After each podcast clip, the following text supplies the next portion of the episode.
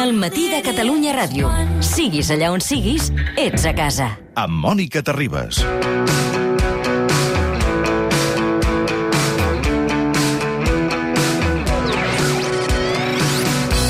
Us ho estic dient des de bon matí, que avui tindríem aquí el professor Xavier Sala i Martín i cada vegada és més important perquè ja fa un mes que el professor Xavier Sala i Martín ens ajuda a, a, a intentar delimitar els efectes i els perquès eh, de les conseqüències econòmiques d'aquest coronavirus, però eh, en aquests 15 dies d'ençà que vam parlar amb ell, la cosa ha anat a més, des del punt de vista dels efectes econòmics.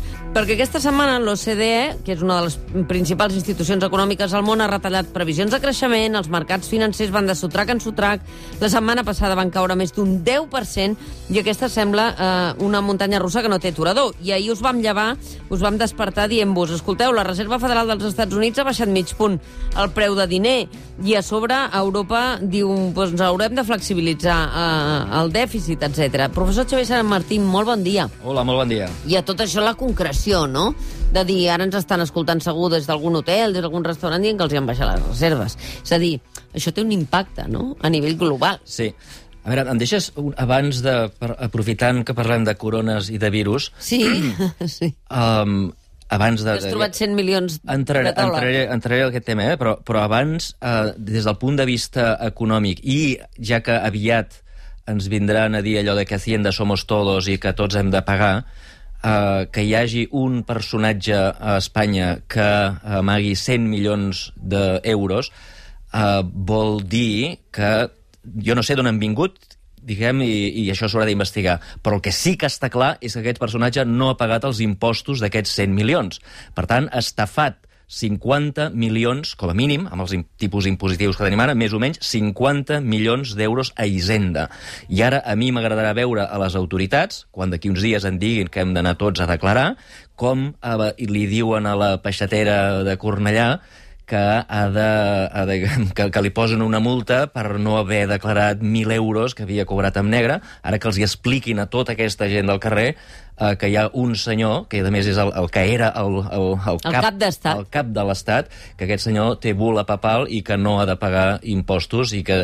Um, I una altra cosa que ens ho han d'explicar és per què això, que és un escàndol diguem, Majúscul. polític de, de primera magnitud, però també un escàndol econòmic. Eh? Estan perseguint a jugadors de futbol, del Barça, del Madrid... Avui han, han, han anat a casa de l'Iker Casillas, el Messi, etc etc. Estan perseguint per donar exemple, eh?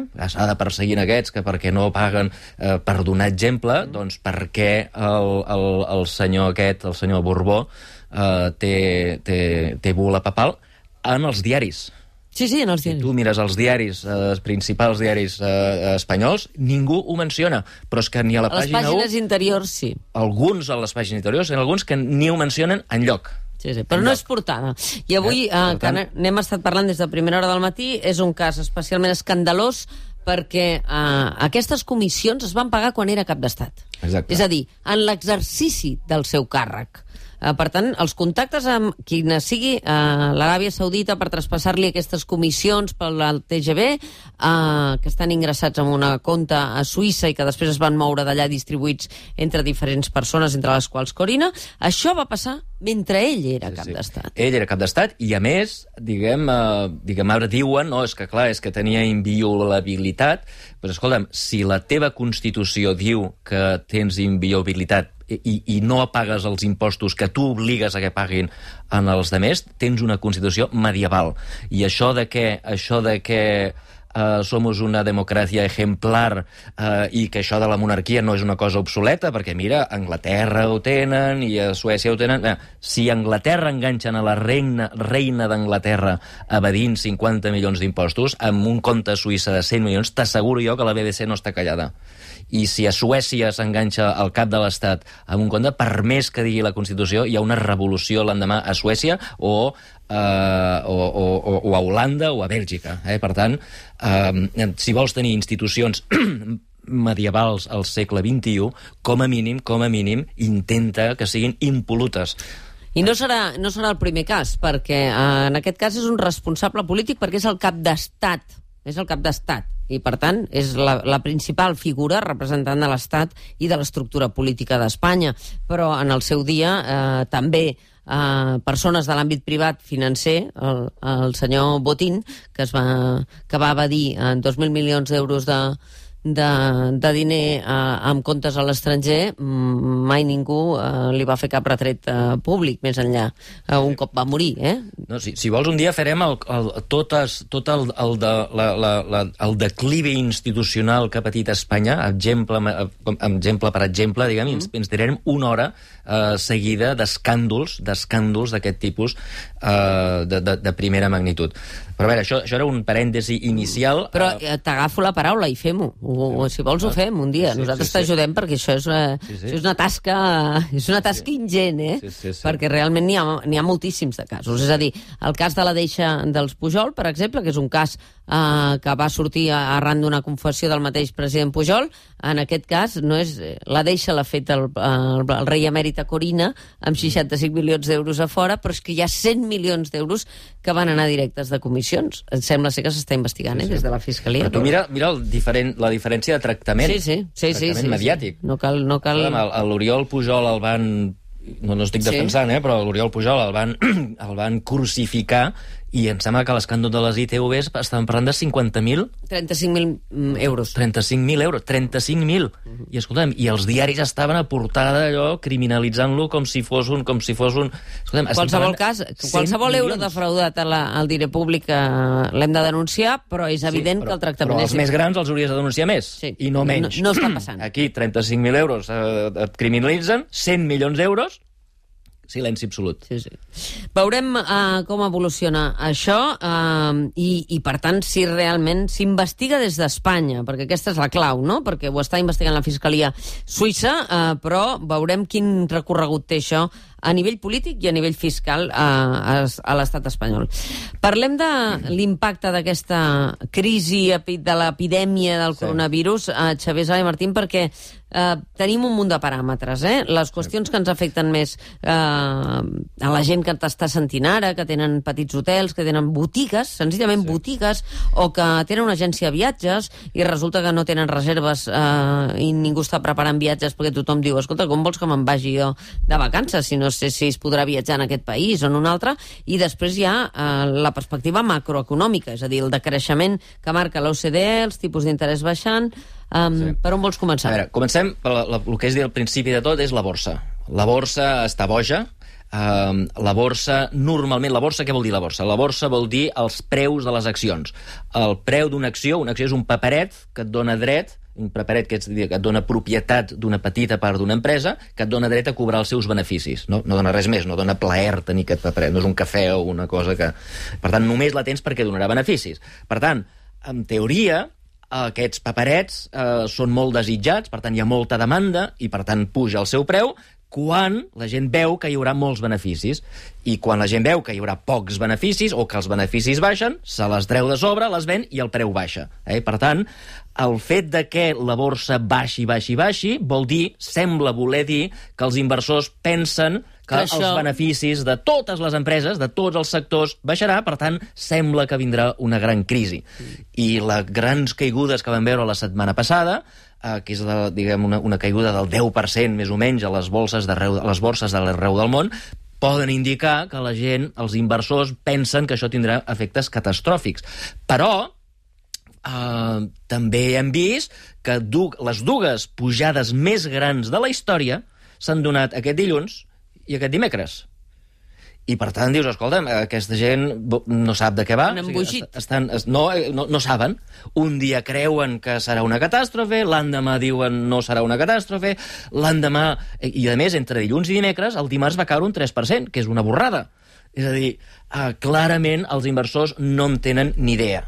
Estan, estan perduts uh, i la, la, la senyal que estan perduts és que un dia compren, l'endemà venen, l'endemà compren, l'endemà venen, uh, i per tant no ens hem de fixar amb això com una, diguem, una senyal de que està a punt d'arribar una recessió. Eh? Uh, en, economia, en economia hi ha una dita molt famosa, que em sembla que és del Premi Nobel Paul Samuelson, que diu que la borsa efectivament prediu les recessions i les prediu tant que, de fet, n'ha predit 5 de les darreres... eh, N'ha perdut 9, n'ha previst 9 de les darreres 5. És a dir, que molt sovint baixa i no... I no té res a veure. Per tant, eh, compta amb utilitzar això com a mesura de l'impacte econòmic. Eh? A banda d'això, sabem que els papers aquests pugen i baixen de preu no perquè els beneficis pugin i baixin, sinó perquè hi ha efecte ramat. Sí. Eh? Ah, Quan tu vas penjat, eh? quan, quan, quan tu visites un país que no coneixes de res, no? vas a, jo que sé, a Finlàndia, vas a Helsinki, eh, i no has preguntat en el, en el senyor de l'hotel quin era el millor restaurant i vas caminant pel carrer, acabes entrant... acabes entrant a on? Tu, tu mires per la finestra i dius... Ai, si està allà hi buit, ha gent. Si està buit no és bo. No és bo. Sí, sí. I si està ple, entres, no? Per tant, què? si està buit, buit, jo també ho venc. Jo també ho venc. Exacte. És a dir, quan tu no tens informació, quan tu no saps de què va, què fas? Mires els altres i dius, aquests deuen saber de què va, no? Com que som finesos, segur que saben que és un bon restaurant, per això estan a dins. Però a mi em costa molt d'entendre el, el que està passant a la borsa, Xavier, perquè jo puc entendre que un inversor vegi una, una crisi econòmica i no sàpiga, per exemple, si els models productius canviaran el ritme que necessiten, és a dir, si les empreses se'n sortiran o tal. Però davant d'un episodi d'una epidèmia que sabem segur que hi haurà un període fins que es trobi la vacuna, tal, tal, que pots calcular i dir, escolta, a lo millor estem un any fotuts, per entendre'ns, però aquesta epidèmia revertirà perquè hi haurà la vacuna, perquè ens en sortirem i això passarà, no entenc la bogeria de vendre. O sigui, la incertesa és molt inferior a la que tens davant d'un episodi d'una crisi econòmica, no? A veure, la, la, la incertesa, comencem per la incertesa de la malaltia. És molt incert. Eh? Hi ha dues maneres de veure la cosa. La primera és dir, mira, a la Xina, eh, que és on hi ha hagut la gran catàstrofe, I sembla que ser... és la fàbrica del món occidental. Però fixa't que allà, allà, el virus ha afectat a 80.000 persones. Sí, sí. La Xina té una població de un 1.300 De milions. 1.300 milions. 1.300 milions. Ha afectat a 80.000 i, de fet, I n'ha mort 2.000 s'han mort. 3.000. Sí. Sí, sí.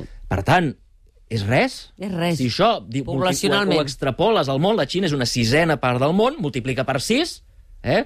Uh, hi haurà 12.000, 15.000, 18.000 morts, que és una, una, mile, una, una centèsima part de lo, que, de lo que mata la grip normal. Sí, sí, sí. Eh? I és la visió optimista.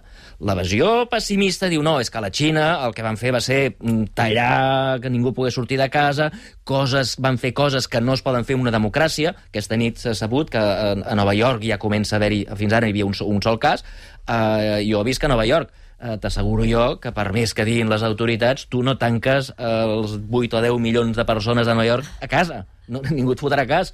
Uh, per tant, el que tu pots fer a la Xina per contenir la crisi no ho podràs fer a països uh, com Nova York. Uh, I, per tant, uh, uh, és Bueno, possible Itàlia és l'exemple.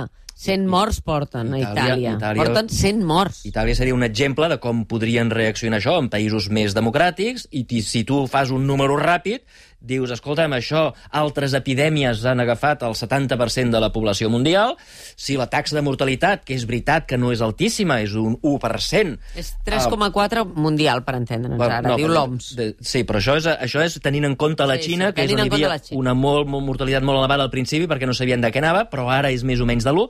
Tu agafes una mortalitat de l'1, que seria encara, diguem, 10 vegades més que la grip normal. Uh, un 1 amb un 70% de la població mundial vol dir que es moriran 50 milions de persones. Però llavors per què l'ha fet? Perquè una cosa és el que faci la borsa i una altra cosa és que la Reserva Federal eh, de cop i volta baixi els tipus d'interès. Per què? A veure, el, el, la FED, eh, diguem, està molt polititzada i està enmig d'una tormenta constant del Trump. Eh? El Trump li diu, els diu constantment heu de baixar els tipus, heu de baixar els tipus, no em feu cas, m- el que voleu és que jo no sigui reescollit, bla, bla, bla, bla, bla, i per tant és una cosa rara. Que hagin baixat els tipus d'interès no té cap sentit cap sentit. Per què? Perquè uh, és veritat que és possible que hi hagi una, uh, una crisi, però és una crisi uh, que té dos components. Primer, un component d'oferta.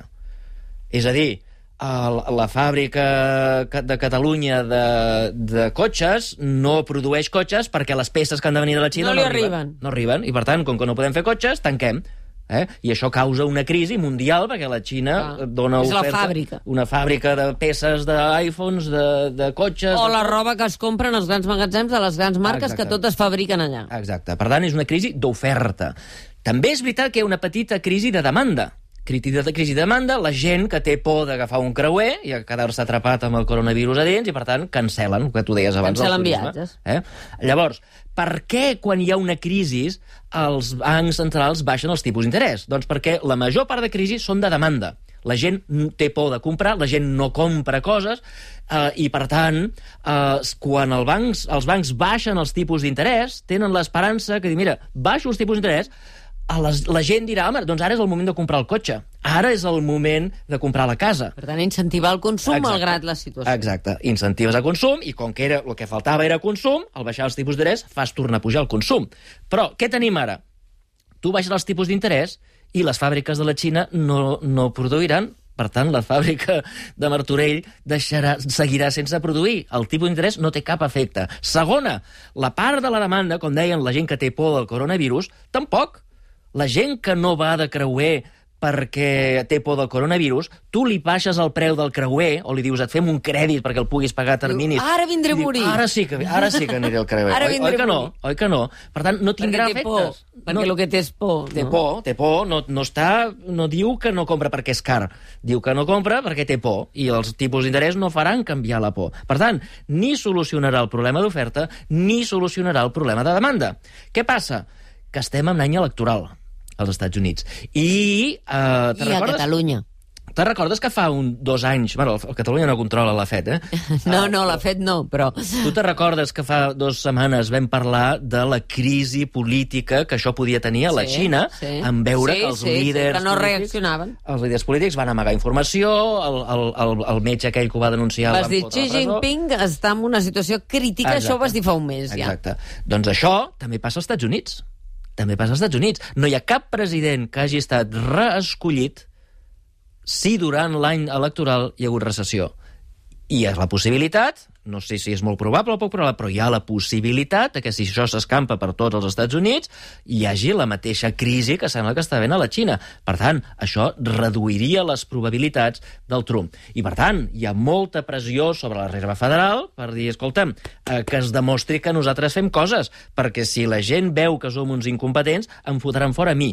I hi ha una altra cosa que encara és més perillosa, i és que Uh, ahir, ahir, un professor de Colúmbia, de la, de la Facultat de Medicina, va fer una denúncia de, de, de, de, de, de, del, del Center for Disease Control, diguem, sí. el Ministeri de Sanitat dels Estats Units, que com que són tan nacionalistes, van dir nosaltres no acceptem els tests de coronavirus que ens estan venint de l'Organització Organització Mundial de la Salut. Nosaltres farem els nostres propis. Van fer els seus propis tests i unes setmanes després, tres setmanes després, aquest metge denuncia que aquests tests no funcionen, que estan detectant altres virus i aquest no l'estan detectant. I, per tant, ara estan corrents a agafar els tests eh, internacionals Uh, però això és una catàstrofe de, de management, de gestió. gestió de la, del, del govern del, del Donald Trump. Per tant, compte, compte, que estem en any electoral i això als Estats Units és, uh, és molt important. Que es voli menys té un avantatge, que Xavier Sala i Martín està més aquí.